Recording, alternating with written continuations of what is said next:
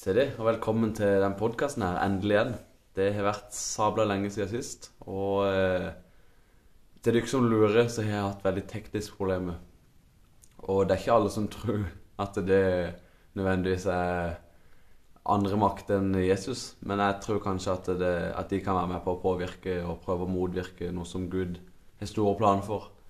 Og jeg tror det at Jesus eh, har store tanker med den podkasten her, og at det kan nå mange sitt hjerte. Derfor tror jeg at det vil være motgang. Men jeg er tilbake igjen. Vi er tilbake igjen, og jeg har med meg en ny gjest i dag. Hvem er du? Jeg heter Inge Jonny Jorøy. Ja? Jeg er fra Vennesla. Gått i Philadelphia mer eller mindre. Det var noen få år som jeg bodde på sida av gamle Philadelphia, men jeg ikke på møte. Eh, Tre-fire år, men eh, jeg begynte i 87. Ok. Ja, Det er jo en god stund siden. det er sånn siden. Men eh, vi begynner litt på scratch. For jeg kjenner egentlig ikke deg, og du kjenner egentlig ikke meg. Ja, Men det skal jo handle mest om deg denne episoden her. ja. Så jeg lurer litt på din oppvekst. Kan du begynne å forklare litt på åssen Ja. var din oppvekst? Eh, jeg hadde foreldre som gikk ifra hverandre. Når jeg gikk på barneskolen, så var jeg sannsynligvis eh, den eneste som eh, var min bror, da. Vi var de eneste som var skilsmissebarn, som jeg kjente til på den tida. Ja. Og det syns jeg var veldig tøft. Og min far han eh, jobba treskift og var mye vekk fra heimen. Min mor var der hele tida, veldig grei dame. Og eh, når min far flytta ut, så, så søkte jeg å erstatte den styrken som han var i livet mitt. Gjennom å oppsøke kamerater, nye kamerater som, eh, som var tøffe. da. Ja. Og når jeg ser tilbake da, så var det kamerater som hadde litt lik stil som min far. Ja. Så jeg søkte på en måte nye farsfigurer. da. Ja, ikke sant? Ja. Og den, den, den hovedkameraten min, da, han eh, Han eh, var i en gjeng der de sniffa. Og han tok meg med til den gjengen, da. Og de, de tvingte meg til å også, eh, Han tvingte meg til å sniffe. Han manipulerte meg da og pressa meg. Ja. Eh, Hvor gammel var du da? da var jeg tolv år gammel. 12 år, ja. Ja. ja. Og så så prøvde jeg dette her. da. De hadde lim oppi en pose. Jeg sto og pusta i den posen. Vi sto bak en butikk her i Vennesla. Og så plutselig så forsvant jeg ifra det som vi tenker som virkeligheten, og det vi ser. Og så var jeg ute i universet, og så, så fikk jeg se jordkloden. Og så så kom det ei hånd inn fra sida og tok tak i jordkloden, og det oppfatta jeg som Gud. da. Og så grauste han jordkloden inn i hånda. Og så kom jeg til meg sjøl, og så ja, prøvde jeg å hive meg rundt halsen på han kompisen min. da. Og bare skudde meg. Kom deg vekk, sa han. Ja, for han skjønte jo ikke hva du Nei. hadde opplevd. Nei. Ah. Og så, så sto jeg og kikka litt, og kikka litt i bakken. Og så kikka jeg på hånda mi, så kjente jeg at jeg hadde noe inni hånda. Og så åpna jeg hånda, så var det den posen da, som jeg hadde krøysta inn i hånda sjøl. Wow. Ja. Huh. Eh, Hvor lenge var du i dette miljøet før du klarte å Jeg flytta heldigvis. Jeg, når jeg var 13 år gammel, så, så fikk jeg valg eh, av foreldrene mine. Min mor hun flytta til Vestlandet, hun fant seg en ny mann. og Hun, til Vest, hun skulle flytte til Vestlandet med lillebroren min. Og jeg hadde valget med å flytte med dem, eller å flytte til besteforeldrene mine, som eh, bodde på Vatnstrøm. Okay. Og når de spurte meg om det, det kom veldig brått på at jeg hadde et valg. da. Men jeg kan huske at jeg tenkte at eh, hvis jeg følger med mamma, så kommer jeg til å bli narkoman. For jeg hadde ikke så mye respekt for henne. Jeg tenkte at jeg trenger pappa sin styrke, da. Og så så valgte jeg å flytte og bo hos besteforeldrene mine inntil han hadde fått en leilighet. Din far. Ja, Ja. Flytta opp til Martenstrøm. Ja. Da var jeg 13 år gammel. Åssen var det å bo med besteforeldre kontra foreldre? Bestefaren min han døde veldig fort, og bestemor hadde ikke så veldig lyst til å være alene. Så det at jeg ble værende så lenger etter hos sitt ønske, og det var greit for meg, for jeg hadde det veldig greit der. Ja. Så jeg ble værende der lenger, og så spurte jeg min bror om ikke han ville ha min plass hos pappa, da, som hadde fått seg leilighet. Ja. Så han kom og flytta hit til oss, han òg, da. Ja. Eh, så jeg kan huske jeg gikk og spurte pappa om, det var greit at han flytta hit til oss, og det var det jo. Og Men jeg kjente, jeg kjente veldig mye på at jeg var Jeg var annerledes. Jeg var en outsider. Jeg hadde gjort de tingene som jeg hadde sniffa. Jeg hadde jeg røykte. Jeg begynte å røyke veldig tidlig. Jeg var ti år gammel da jeg begynte å røyke. Og var avhengig fra jeg var 11-12 år gammel. Og eh, Ja, skal jeg si for noe Når jeg var 13 år gammel, så spurte jeg min bror, for jeg visste at han var i nærheten av folk som brukte hasj og marihuana, om han kunne få tak i noe til meg. Mm. Og når han var 11 år gammel, så prøvde han sjøl det, og han kom til meg med, med marihuana. Jeg prøvde det da jeg var 13 år gammel, men eh, jeg hadde ikke noen opplevelser det, jeg kjente ikke noe. Mm. Men jeg var veldig på søk, og jeg følte meg veldig sånn eh, Jeg var skilsmissebarn. Jeg bodde hos bestemora mi. Min mor bodde på Vestlandet. Jeg følte meg veldig sånn avstand. da. Følte meg savn. Det var noe som mangla i livet mitt. ja. Ja. Og jeg hadde et par opplevelser da jeg gikk på barneskolen. En opplevelse var at jeg holdt på å drukne i svømmehallen i sammen med alle de andre. Mens alle de andre holdt på å leke med ballspill, da, så gikk jeg til bunns. Eh, og jeg ble kvalt i skolegården, og jeg, jeg var helt sikker på at jeg skulle dø. Jeg pusta ikke på, på flere, flere minutter. Her. Og det var så lenge at det, Av andre Ja, det var en som ikke, liksom. en som ikke likte meg. Åh. Og så sto selvfølgelig hele skolegården og heia på han, for han, sto, han, han var jo den sterkeste. Ah, wow. Og så eh, Det gikk så langt da at jeg tenkte at ok, nå skal jeg dø. liksom. Jeg hadde kjempa imot så lenge, jeg fikk ikke puste. ikke sant? Så jeg tenkte ok, nå skal jeg dø. Så jeg bare gav meg over, og bare venta på å dø. Men eh, når jeg hadde ligget der da i 10-15 sekunder, så kom det en lærer, og så fikk han vekk. Ah. Eh, men det var flere ting da som gjorde at jeg kjente at eh, vi hadde flytta mye. Så jeg kjente på en måte at jeg hadde ikke noe ordentlig tilhørighet. Og så gjorde jeg noe sånn eh, Jeg gjorde en del rampestreik og sånn. Så jeg, ble en, jeg ble en gutt som foreldrene til de andre på min alder helst så, helst så at ikke de gikk, i, at, at Ja. ikke de gikk sammen med meg. da. Ja, ikke sant. Ja. Men Så- når det ble såpass mye herring, ble det på en måte til at folk syntes du var kul for du gjør så mye ramp? da, eller hvordan? Det var jo for, det var for å gjøre meg sjøl kul, ja. Ja, men det, fun det funka på en måte på ja det? for, for noen så gjorde det det. Ja. Ja. Gjorde meg tøff og Ja. ja. Og så var det min måte å få oppmerksomhet på, sikkert. Så lenge jeg ikke kjente på at jeg ikke fikk nok av det. Ja, for hvis jeg får ja, oppmerksomhet, og så føler du noe veldig utrygg. Du har, du har jo ingen fast ramme i forhold til de andre i klassen som har liksom Ja. mor og far og hus og ja. bil og alt som Det ble annerledes med bestemora mi. Hun var veldig trygg da. Hun var kristen, og hun var veldig trygg, og hun hadde Bibelen på kjøkkenbenken. og... Men eh, det var, som, det var ikke noe som tok tak i meg, for det var at Gud hadde jeg, gått, jeg gikk litt på søndagsskole, jeg gikk litt på, ja, på søndagsskole. Men Gud Og min mor lærte oss å be sånn, men det gikk ikke noe på møte noen av foreldrene mine. Men eh, det var ikke noe som ga meg noe, det med kristendommen, da. Det var bare noe fint for deg, og så Ja. Jeg kan huske at jeg tenkte at det kristne mennesker Når jeg møter dem på veien, så er de sure. Og så hilser de ikke tilbake hvis jeg sier hei til dem. På en koselig landevei en sommerdag. Ja. er at de er fulle av krav og bud og regler, og det, deres liv er helt uh, mm. ja, tragisk. Ja. Bestemora mi sa etter vennene mine hun er ei gammel, overtroisk kjerring. Ja. Men jeg gjorde meg jo litt tøff, da, for det er Budas Ja. bestemor. Ja. Og selv om du egentlig var veldig glad i henne, så måtte du på en måte skjule det litt. Altså. Ja. Det blir jo sånn. Ja. Ja. Det gjør det. Men eh, for det den, Ja, for den situasjonen Jeg har jo ikke vært i samme situasjon som det. Men eh, jeg har en lillebror, fosterbror fra Iran, Ja. som eh, Han bodde hos oss i seks år, og så på grunn av Egentlig av at han ble plaga veldig på skolen av andre, Ja. for, så endte det opp at han måtte flytte. ja. Og eh, det er jo et sår jeg har, men han er på en måte Og jeg har god kontakt med han nå, og nå er jeg bra med han. ja. Men han har nok vært i ganske ganske lik situasjon som det. Der han har følt at han har mista alle trygge rammer og vært på institusjon og ja.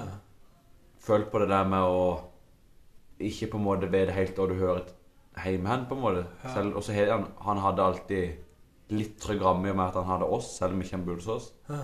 Samme som du hadde i bestemor. Ja. Men på måten jeg kjenner han på, så vet jeg liksom så godt det der med at uh, du har et behov. Du har veldig et behov for å på en måte Du må finne din plass, for du, du, du føler deg trygg litt, men du har ikke funnet din plass. Ja. Og han har jo vært veldig på det der med å være tøff og være skikkelig tøffing og Ja. gjort ting som aldri jeg ville tørt å by meg ut på. Og, Ja. men det blir sånn, vet du. Ja. Og jeg skjønner ikke hvorfor det er veien man velger i de situasjonene, men det blir sånn. ja. Det var ikke noe eh, På den tida så var det ikke Det var nok ikke sånn veiledning heller. eh, Nei. Sånn tilbud. Eh, Jeg hadde en far som eh, kunne være streng og bli sinna. Og, men eh, jeg gikk jo på en måte med det på egen hånd og alene. Da, og Mm. måtte styre mitt eget liv. Begynte å skulke veldig tidlig. I femte klasse skulka jeg veldig mye. Nei, 50. Ja, fordi at var utryggere, rett og slett. Ja. Ja. Og så mangla den den der styrken som familien skulle være. da. Mm. Det med at mamma og pappa var glad i hverandre, og Ja. min lillebror hadde det greit med hverandre. Ja. For det som skjer da, skjønner du det, Eller det føler jeg i hvert fall at når du Når du på en måte Når du føler at de rundt deg ikke er helt trygge, så må du på en måte bli tøff nok til å Du må bli tøff nok til å Ja. ha kontrollen her. Henta Det, inn, det er ingen hent, som passer på det. henta inn den styrken som ikke jeg fikk. Ja, du må det. Du må jo erstatte det med noe. Ja, Det er jo derfor det blir sånn. ja. Huh. Ja, det. Men eh, hvis du ser tilbake på det her Selv om ikke du valgte den veien, på en måte og selv om ikke du valgte at det skulle bli sånn, er det noe du kunne ønske at du ikke gikk gjennom? på en måte? At ikke du eh, valgte å gjøre det, at du heller valgte noe annet? Ja. Sånn som det her med narkotika og sånne her ting ja. snakker om. Det var, det var så det var, det, Livet handla på en måte mest om det som skjedde der og da. Ja, ja for det er det. For lever i en boble. Ja, og skapte avstand til det som ikke var noe greit. Mm. Så det at eh, jeg hadde ikke, jeg hadde ikke mulighet til å så trekke meg tilbake og så få oversikt over det som skjedde i livet mitt. da. Ja, for det er jo, du klarer ikke å velge det. Du lever jo og føler at du må gjøre det. Du føler Ja. at du må gjøre det sånn. Den eneste oversikten jeg hadde, egentlig, det var mitt forhold til andre. da. Ja. Og det, var mer, det handla mer om andre sin oppfatning av meg. Mm. Ja. Det var det du kunne styre. Ja, det det. Ja. Men litt videre, da, så Det var barneskolen allerede i femte klasse, hva du sa. Så videre på ungdomsskolen, åssen var det der, da? Flytta til Vatnstrøm. Sjette klasse gikk veldig bra. Vi hadde en veldig bra lærer. Jeg hadde fungerte veldig greit i sammen med elevene, og det var selvfølgelig ting som var vanskelig som det er for alle andre. Men eh, så kom eh, sommerferien til syvende klasse, og da fikk jeg klar beskjed av to av kameratene mine at den læreren vi fikk, det var ei skikkelig hurpe. Oi. Og hun var ikke noe greie å ha med å gjøre. Og jeg har fått høre i ettertid da, at det året som jeg begynte i syvende klasse, så fikk de nytt skoleråd. Og de hadde veldig ambisjoner om at eh, nå skulle de vis, virkelig vise de andre skolene i Agder at de, de ga gode resultater osv. ikke sant? Mm. Og jeg hadde vært innom barnevernet i Vennesla i 5. klasse pga. skulkinga mi. Ja. Og når jeg kom inn i første timen på ungdomsskolen, så er frøkena vår veldig sånn Hun har en veldig stram holdning. Hun har veldig sånn retta seg opp i ryggen. og. Eh, hun uttrykte, eller sånn, utstrålte og brukte kroppen sin for å vise autoritet. Veldig. Og jeg merka på det i klassen min, at de var anspente. Så jeg tenkte det at eh, nå skal jeg prøve å være litt sånn mellommann, da, her litt diplomatisk, og prøve å gjøre det litt greiere for at hele klassen ser at her kan de slappe av. Det er ikke så ille, dette. Og så, så sa jeg et eller annet, jeg husker ikke jeg sa for noe, men hun reagerte med Han hadde ei tjukk bok, og så bare slo den ost Sånn skikkelig sving, svi- svingslag ovenifra, og så i kateter med et himla smell. 'Vil du tie stille?' sa ja. Og da følte jeg meg så misforstått, og følte at da ble jeg på en måte ikke den jeg ville være. Nei. Så jeg klarte ikke å forholde meg til det hun hadde å si, da, så da sa jeg nei. Og da var det egentlig gjort. Ja. For det at eh, jeg hadde papirer fra barnevernet. Jeg bodde hos bestemora mi, og pga. det så var jeg under barnevernet. Så jeg ble eh, jeg ble, jeg ble dømt på en måte. Jeg gjorde det, altså. Jeg ble, eh, ja, jeg gjorde det. Jeg ble skikkelig dømt av henne. Hun så på meg som et, et problem. Og det fikk jeg merke på flere måter da, på ungdomsskolen. Eh, andre gang jeg åpna kjeften, så ble jeg sendt til rektor. Tredje gang jeg åpna kjeften. Og det var egentlig bare sånn teamprat. Sånn, eh, selvfølgelig litt tøff. Jeg, jeg gikk der med tobakken på, i dongerijakka mi på brystlomma og eh, hadde tegn på jakka mi og liksom sånn eh, Jeg så ikke så grei ut, nødvendigvis. Eh, I forhold til det de ja, hadde forestilt seg. Åssen skal vi håndtere denne her karen? Ja. Og tredje gang jeg åpnet kjeften, da, så var ikke rektor der. Så sendte de meg rett til skolesjefen, som hadde kontor på bak rektoren. Og så kan han huske han sa det at eh, sånne elever som du vil ikke vi ha her, sa han. Rett ut. Ja. Og så i syvende klasse etter jul så plasserte de samme, i samme i klasserom på sida av resten av klassen med ei veldig søt lærerinne på rundt 50 år. Eh, kjempesøt. Den snilleste frøkenen der det var på hele skolen. Yes. Og der hadde de tillit til at jeg kunne oppføre meg ordentlig. Så jeg, men, jeg tenkte på det i ettertid. De kan ikke ha sett på meg som et veldig stort problem, egentlig. For det at eh, hadde de gjort det, så hadde de sannsynligvis valgt en mann heller. En som var litt sterk og litt sånn. Ja. Og da begynte hun å Og av og til så var det sånn, for hun var, så, hun var jo så søt, jo så snill. Så sa hun skal vi jobbe litt med matte. Nei, sa jeg. skal vi lese litt i, i denne boka, da, sa hun. Så hadde hun funnet ei bok med Nikki Cruise, 'Kors og springkniven'. Jeg vet ikke om du hørte om henne? Er Bandleder i New York, okay. som blir kristen, da. Ah, ja. Sånn gjengleder. Oi. Og så leste hun mannen, da. Jøss. Ja, ja. Det hadde aldri skjedd i år. Det er ikke lov. Nei. Hei, er det spesielt? Ja. Men eh, de gjorde ikke noe sånn inntrykk på meg. Konfirmasjon, konfirmasjonstida ja. Eh, så for å få sagt det, da De, Mm. eh, de, å, de plasserte meg i arbeidslivet da, i syvende klasse. To dager i uka. Eh, I åttende klasse tre dager i uka, og i 9. da, tre, tre dager i uka. Og i åttende og 9. klasse så ville de ikke ha meg på skolen, så jeg hadde privatundervisning hjemme hos en lærer. To dager i uka. Matte, norsk, engelsk. Og så drev med å jobbe eller spilte bordtennis eller gjorde andre ting. Ja. Men matte, norsk, engelsk, da. Og eh, de, ja, de plasserte meg ut i arbeidslivet. Men i niende klasse Skal bare prate. Jeg vet ikke om jeg kjørte forbi spørsmålet litt. eller- Kjør på. Ja.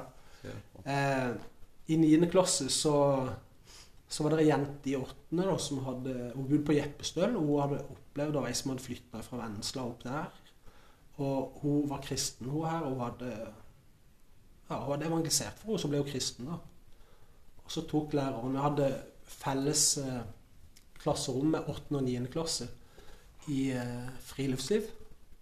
Så på fredagen de to siste timene så rydda læreren vår eh, For det, da fikk jeg lov til å være sammen med dem, for det var det han læreren som jeg var hjemme hos. da. Eh, så rydda hun klasserommet. Og så, så fortalte hun om sin frelsesopplevelse, da. Og da kan jeg huske at jeg tenkte det der, denne kraften av dette her, han som opplevde dette, det var litt spennende. Men utenom det så var det helt uinteressant. Det var en kul historie, liksom. Wow. Ja, Ja. og så eh, sto vi og venta på bussen, da, og så sto hun på sida ei som jeg var litt forelska i, da, og så gikk Kitty dit. Og så, så hadde hun et sånn et lite bibelvers på et sånn litt hvitt kort du setter der. Ja. Og så holdt hun det helt ned på hofta. Og så sa hun 'Se, Jonny'. Og så tenkte jeg 'Hvorfor tar du ikke det opp? Hvorfor løfter du det ikke opp?' Hva er det med meg for noe som gjør at du at du holder denne på hofta. Så jeg følte meg sånn misforstått. Det var ikke noe gøy i nærheten av henne som jeg likte. Så jeg sa til henne at 'Har du det der for å huske på at du er en kristen, eller?' Og da sprakk hun. Ja. Hun kjefta meg ut. Hun ble så sinna. Så tenkte jeg det at eh, når jeg kommer hjem i dag, så skal jeg åpne Bibelen, og så skal jeg se hva jeg kan finne i Bibelen om djevelen. For eh, den Om djevelen og for konkrete. For det, det, var, det var to stykker som, hadde, som fortalte meg at eh, de hadde solgt sjela si til djevelen, og så hadde, de, hadde han ordna opp og gitt dem så mange ting. Ordna ting for dem, lagt ting til rette for dem. bønnesvar og Jesus og sånne ting. Det hadde jeg hadde aldri jeg hørt om før. Nei. Sånn eh, ikke, Nei. Jeg, og det var heller ikke noe som funka for meg på en måte. Nei, For dette var så mye skuffelse bak meg. Det var så Ja. mye sånn Ja. Og så eh, jeg kom hjem den dagen, var konfirmasjonsbibelen. Så så, jeg, så leste jeg på kvelden og åpna Bibelen, og der var det Jesus som gikk rundt i eh, ja, på fjellene der. Han bergprekenen, han talte til menneskene. Og det, så, det, det, var, det ble så levende, for det at eh, han ble på en måte en sånn eh, mellommann med det der universet som er der ute, den evigheten og dette her. Og, Mm. og det ble så Jeg fikk sånn en Det var sånn en visshet med i gang på en måte når jeg leste det. Om at her var det en som virkelig eh, hadde skjønt det. Og det var ikke han du trodde. Nei. Det var ikke djevelen. Nei. Og eh, så sto der blant annet at være bare den som påkaller Herrens navn, skal bli frelst. Men eh, det jeg gjorde da, det var det at jeg gjorde en avtale med djevelen. Jeg sa til djevelen at hvis du gir meg det jeg ønsker meg mest, så skal du få sjela mi. Og så gikk jeg meg. Og så tenkte jeg at jeg så på en måte og der og tenkte, så så jeg på en måte at sjela mi forsvant ut i det mørke universet på en måte på natta der. Og, så tenkte jeg det at nei, nei, dette her kan jeg ikke Det var en dårlig deal. Ja. Det ville jeg ikke. Så jeg, jeg bøyde kne, og så sa jeg Jeg påkaller ditt navn, Herre. Frels meg. Og da, tenkte, da, da følte da hadde, da hadde jeg god samvittighet, så jeg gikk og la meg. Sovna jeg. Jeg vet ikke hvor lenge jeg hadde sovet, men så våkna jeg på natta at hele rommet ble fylt av lys. da. Og så prøvde jeg å åpne øynene, men jeg klarte ikke å åpne øynene. Og så tenkte jeg, hva er det som skjer for noe? Er det en engel, eller hva er det for noe? Og så prøvde jeg å røre på kroppen, jeg klarte ikke det heller. Men det lyset det gikk inn gjennom øynene mine og ned i hjertet. Og så sovna jeg. Og når jeg våkna dagen etterpå, så følte jeg meg så sett. Og jeg følte meg så elska. Og jeg hadde aldri opplevd det før. Det hadde Hele tida hadde det handla om det som var rundt meg, menneskene rundt meg. Men plutselig så var det meg. Var meg. Jeg følte meg så sett. Og jeg følte meg så elska. Jeg følte meg som i dag vil si, når vi har vært på møte, så vil vi si at vi har blitt, vi har vært et godt møte, har vi blitt åndsfylt. Ja. Og sånn kjente jeg meg. Bare sånn jeg våkna på morgenen hele dagen på skolen. Kjørte buss fra Vatnstrøm over til Iveland ungdomsskole. Jeg satt helt bak der, kan jeg huske, og tok, liksom, satt, satt og kjente på dette. Det var så godt. Eh, og på vei hjem igjen på bussen, jeg kjente på det, og kom hjem eh, på rommet og sånn, og så tenkte jeg det at eh, jeg har så lyst til å gå opp på bedehus og treffe de menneskene som er der. For jeg har skjønt det. Ja. Tidligere så var det sånn at det var de verste menneskene jeg kunne tenke meg. Ja. Men bare over natta så blir det så blir jeg skapt en kjærlighet til de menneskene. Men eh, så rodde jeg meg opp i Så fikk jeg tak i hasj da jeg var 16. Da var jeg 15 år gammel da jeg ble kristen. Eller ble frelst da første gang. Eller sånn.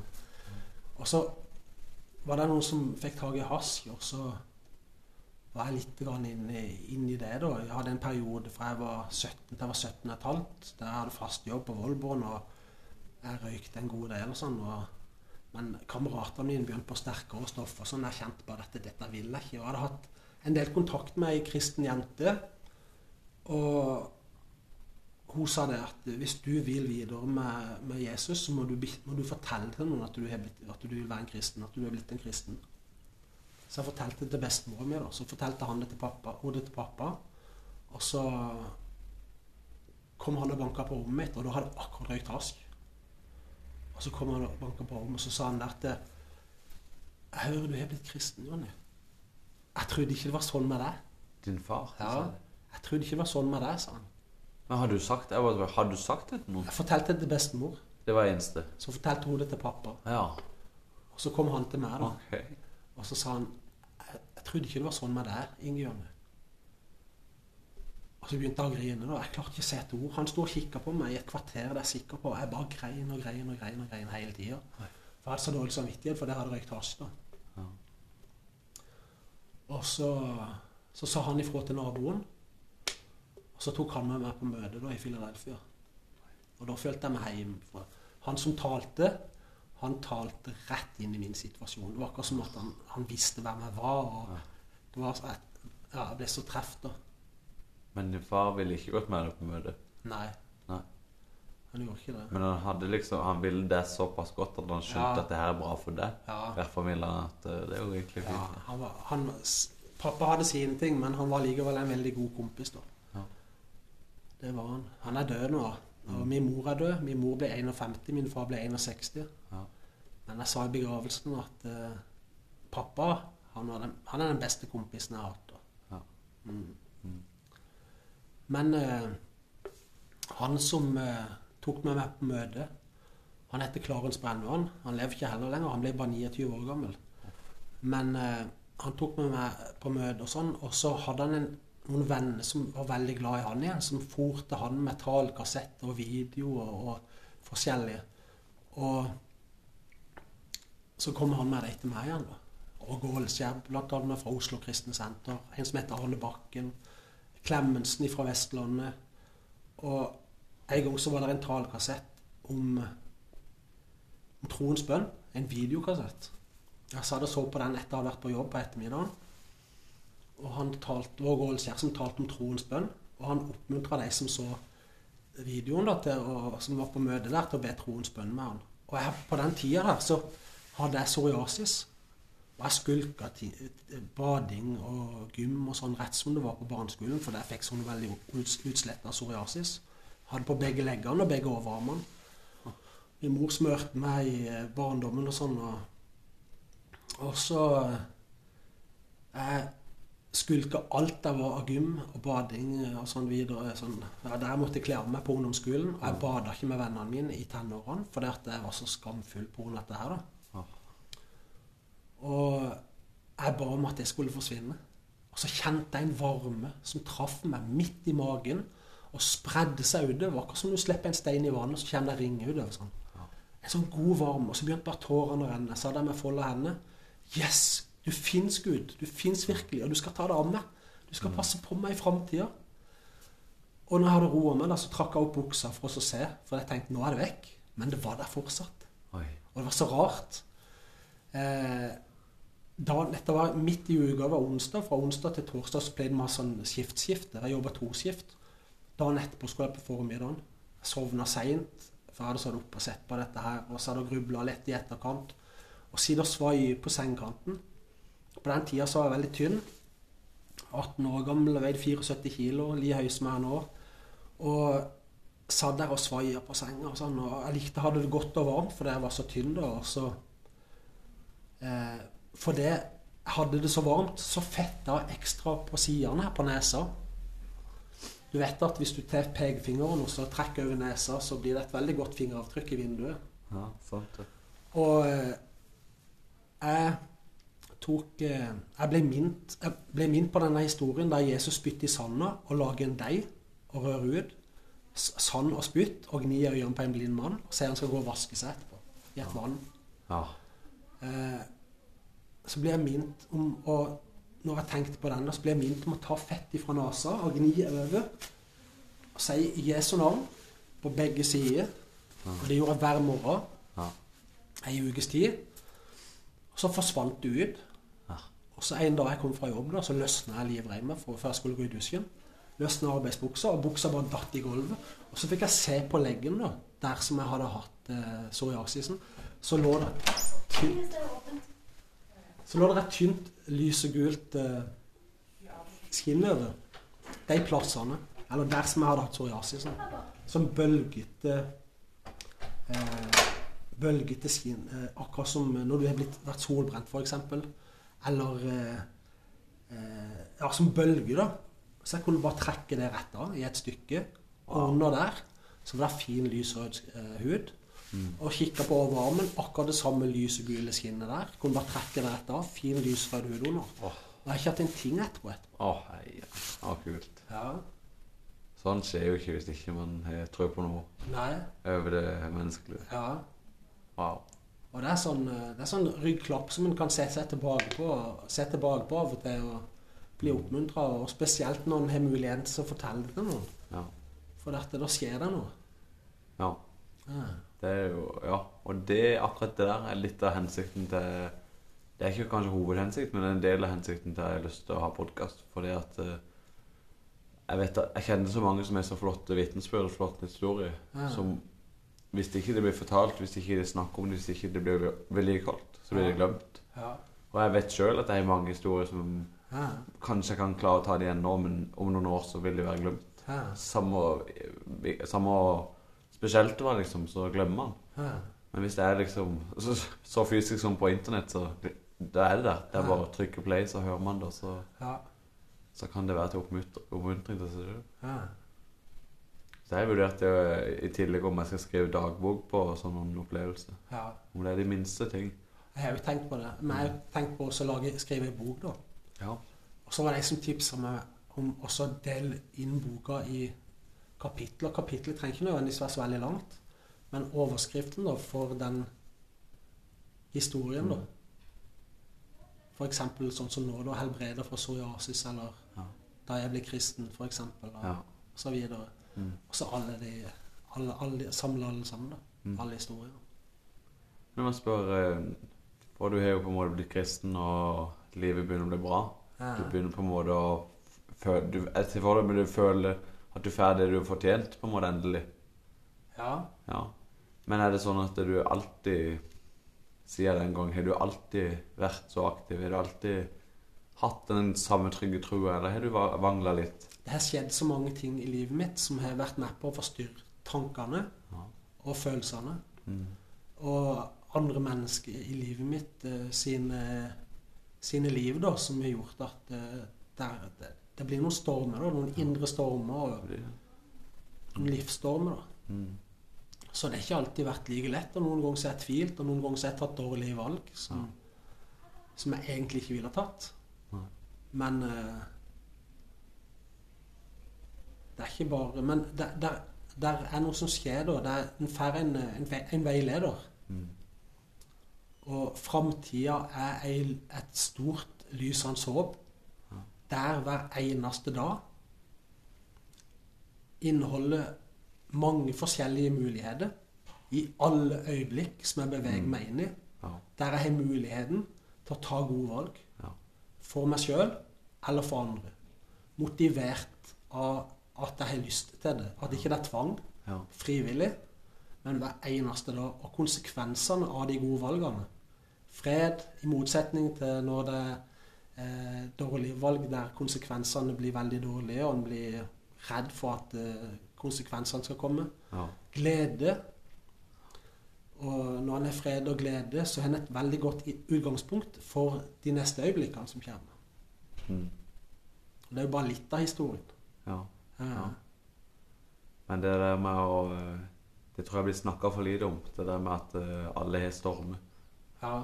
For det er jo ikke sånn at bare du har storm. Jeg har jo Ja. òg stormer. Ja. Og naboen har jo storm, og alle har jo det. Ja. Og så tror jeg det Så tror jeg noen blir ramma hardere av stormen enn andre. Det er jo samme som i livet. Noen blir kaller ramma hardere, noen får kreft. Altså noen. Jeg har ikke kreft, og jeg er takknemlig for det. ja. Jeg er ikke blitt ramma så hardt. Nei. Og sånn er det med de stormene. Ja. Men så tror jeg det er sånn som du sier, at man har en veileder. Man har på en måte Man har fått en indre lyst Ja. til å gå gjennom det på en bra måte. Ja. Og det betyr ikke at man alltid klarer det. Nei. Noen ganger så Så velger man sitt eget ego framfor eh, Ja. Gud. Ja. Og så gjør man det som ikke man burde gjøre. Ja. Og så angrer man. Ja.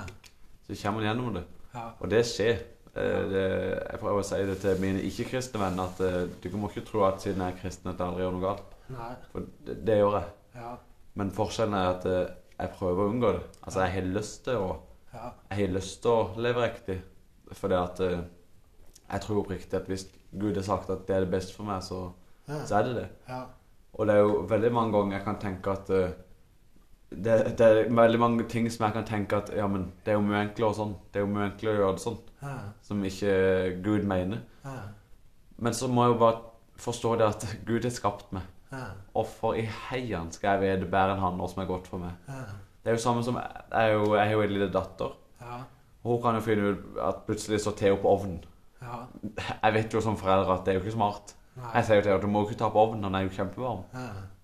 Men hun, hun har behov for å teste det. Ja. Så skjønner hun at det var ikke så lurt, og så lærer hun det. Så hvis vi kan ha den foreldreperspektivet på Gud, så tror jeg det blir lettere. Ja.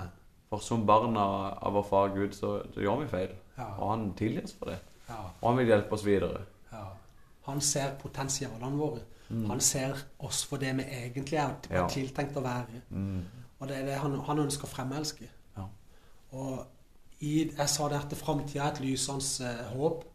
Eh, og grunnen til at jeg sier det, det er fordi at hver eneste dag i framtida har de der gode øyeblikkene. da. Mm. Og vi opplever alle vonde situasjoner, og vi ser framover, og så tenker vi at eh, det er faktisk noen lyspunkter likevel, selv om vi lever i et type, en type mørke. da. Mm. Veldig Ja. Så tror jeg òg En ting som er veldig trist Det må jeg ærlig si, i kristne miljø så er det veldig trist at det, eh, det er nok blitt bedre, men det er et veldig miljø for å dømme. At folk er veldig fort til å Hvis det er en mann som ikke alltid går på møte, og som har et rykte på seg om å ha gjort det og det og det, Ja. så skal vi liksom komme med pekepinnen. Vi skal liksom komme og si, tenke i vårt indre at «Å, han er sånn, og han gjør sånn, Ja. og uff, det er ikke bra, og sånn og sånn. Og så Ja. noen som begynner til og med å snakke om det i kafeen, og han og sånn og sånn. Og... Ja. Men det er jo ikke greit. Hvem er jeg til å dømme et annet menneske for det han har gjort?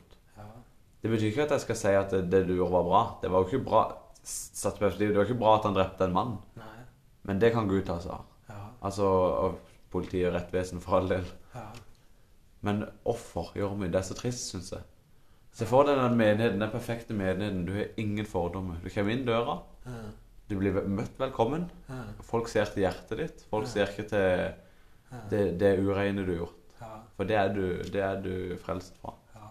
Jeg, jeg var jo vekke noen år, tre-fire år. Jeg bodde på sida av gamle Filadelfia, på Måsemoen. Ja.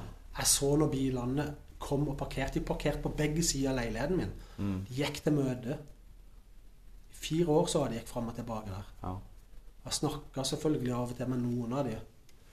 Men eh, når jeg kom tilbake igjen, så måtte jeg ha motivasjon for å komme tilbake igjen. For jeg hadde vært på utsida av miljøet veldig lenge.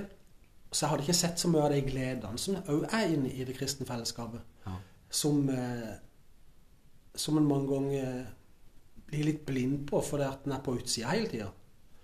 Så, men det som, det som holdt motet oppe i meg, da, det er det at vi er jo forskjellig kjemi, og vi fungerer på forskjellige måter. Og med forskjellige interesser. Noen er veldig glad i fotball, og de henger med hverandre. Og, Men det har ikke vi lyst til, for vi vil heller spille sjakk, f.eks. Ja, ja. Og så videre. Men det er alltid noen mennesker i menigheten som har opplevd ting, som kan være til oppmuntring, og som kan være med på Og det er mennesker som er skikkelig genuine. De er interessert i at du kommer deg videre, Mm. og at du får støtte, og at du kommer inn i det landskapet som du lengter etter. Mm. Og jeg tenker at eh, de menneskene, de, det, var de som på en måte motiverte meg til å gå inn igjen i Philadelphia. Da. Hadde ikke noe så veldig lyst. Ja, Eh, men eh, jeg tenker det at eh, det, er alltid, det er alltid noen som bryr seg. Ja. Eh, Det er jo en eh, slags familie.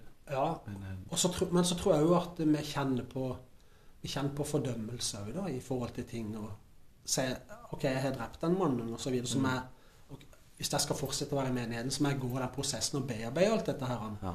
Eh, veldig bra om jeg kan be menneskene som har blitt såra på henne, om tilgivelse. Ja.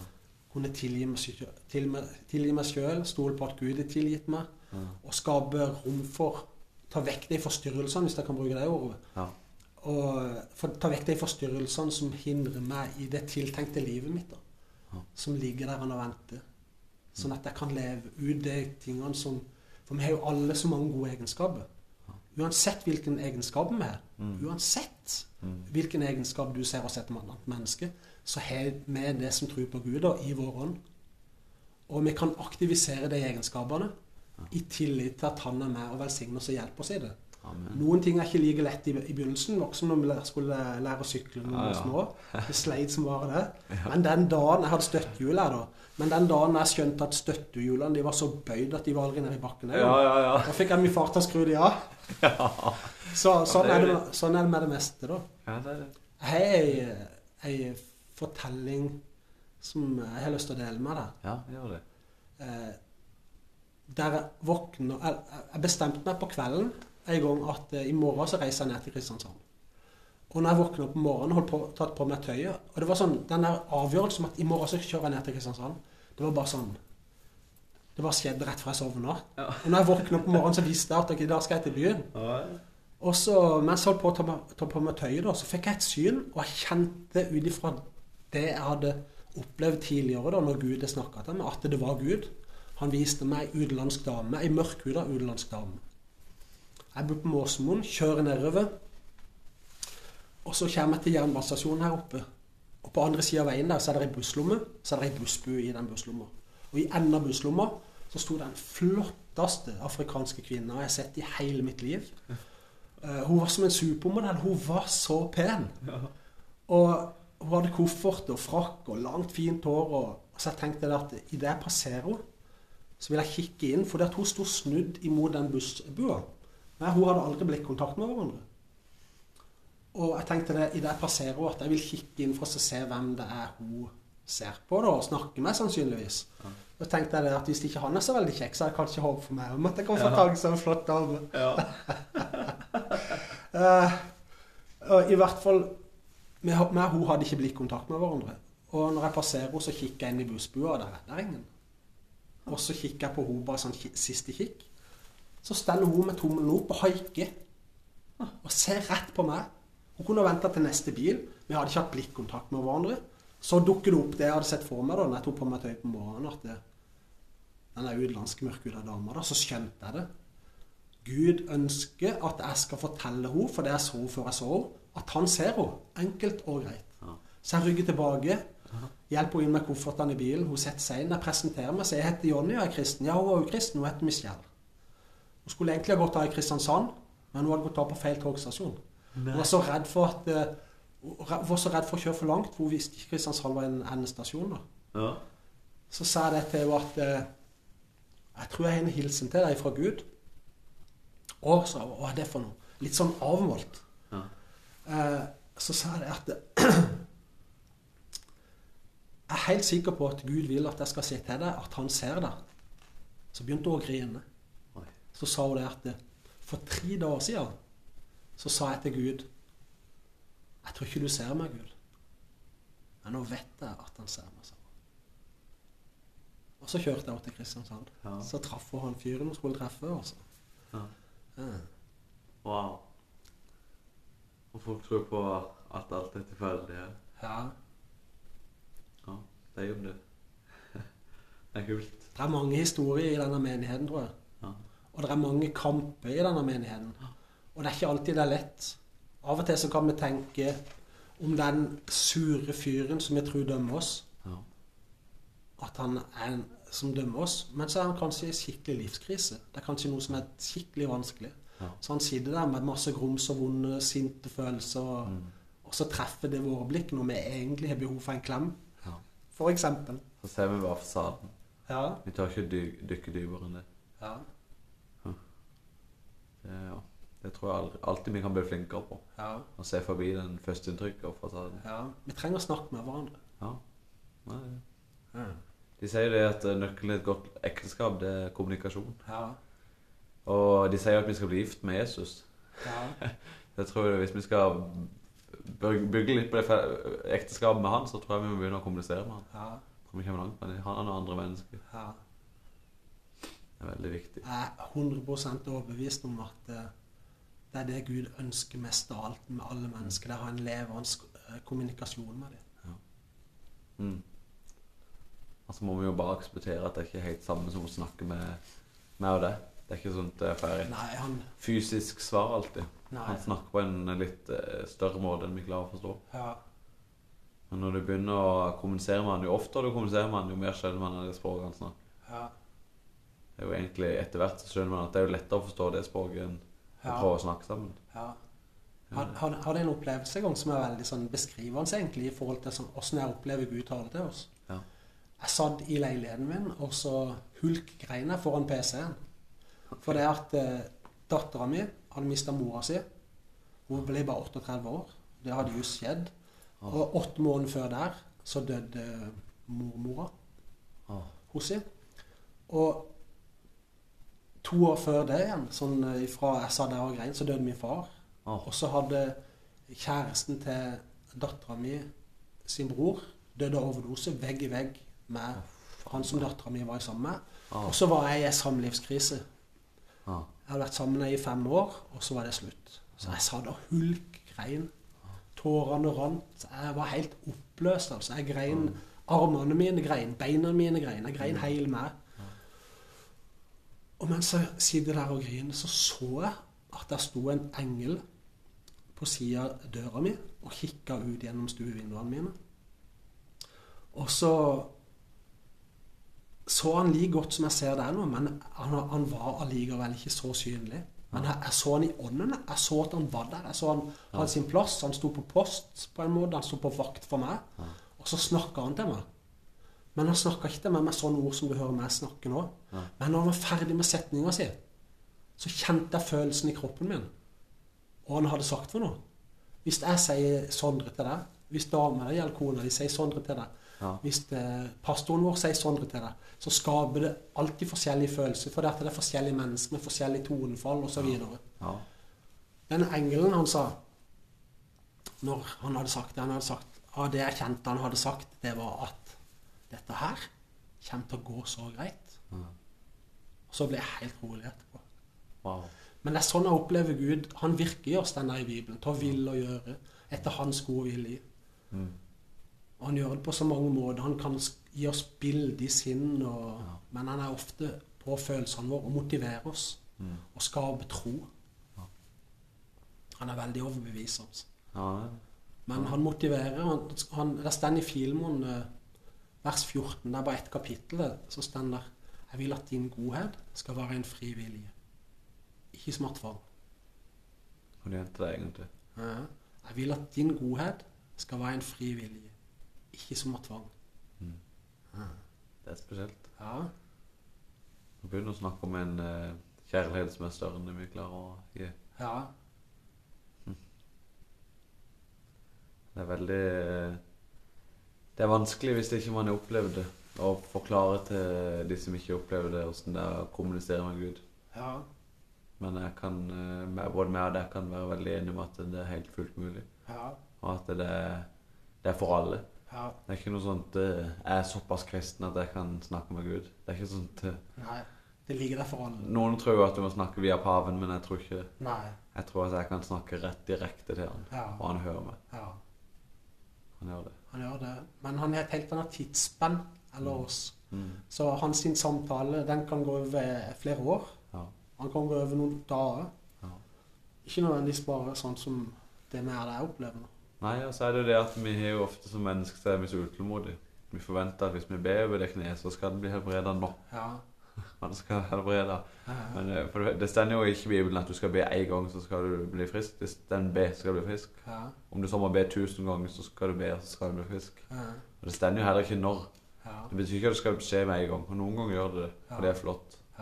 Men jeg tror Gud vil at vi skal være tålmodige i bønn. Og, Det er akkurat som sår som gror når vi kutter oss eller holder på å miste fingeren eller et eller annet. Så til det, til det tid, da. ja, det det. Og vi må bytte plaster, og vi må, vi må vaske såret osv. Mm. Og det er noe med det òg, at det skjer noe. Vi setter i gang en prosess da når vi begynner å be. Mm. Det er noe som skjer, altså. Ja, det er det. Veldig spesielt. I motsetning til f.eks. om vi er sur og grinete og ikke bryr oss om sårene våre, Mm. eller i det hele tatt. Men om vi legger kjærlighet, omsorg, Ja. legger glede i å passe på det, så, så skjer det noe. Mm. Nei, sant. Ja. Folk får bare gå god for at det vi sier er sant. Nei. Jeg kan ikke bevise det. Nei. Jeg kan ikke det annet enn at vi er levende bevis, begge Ja. to. Ja.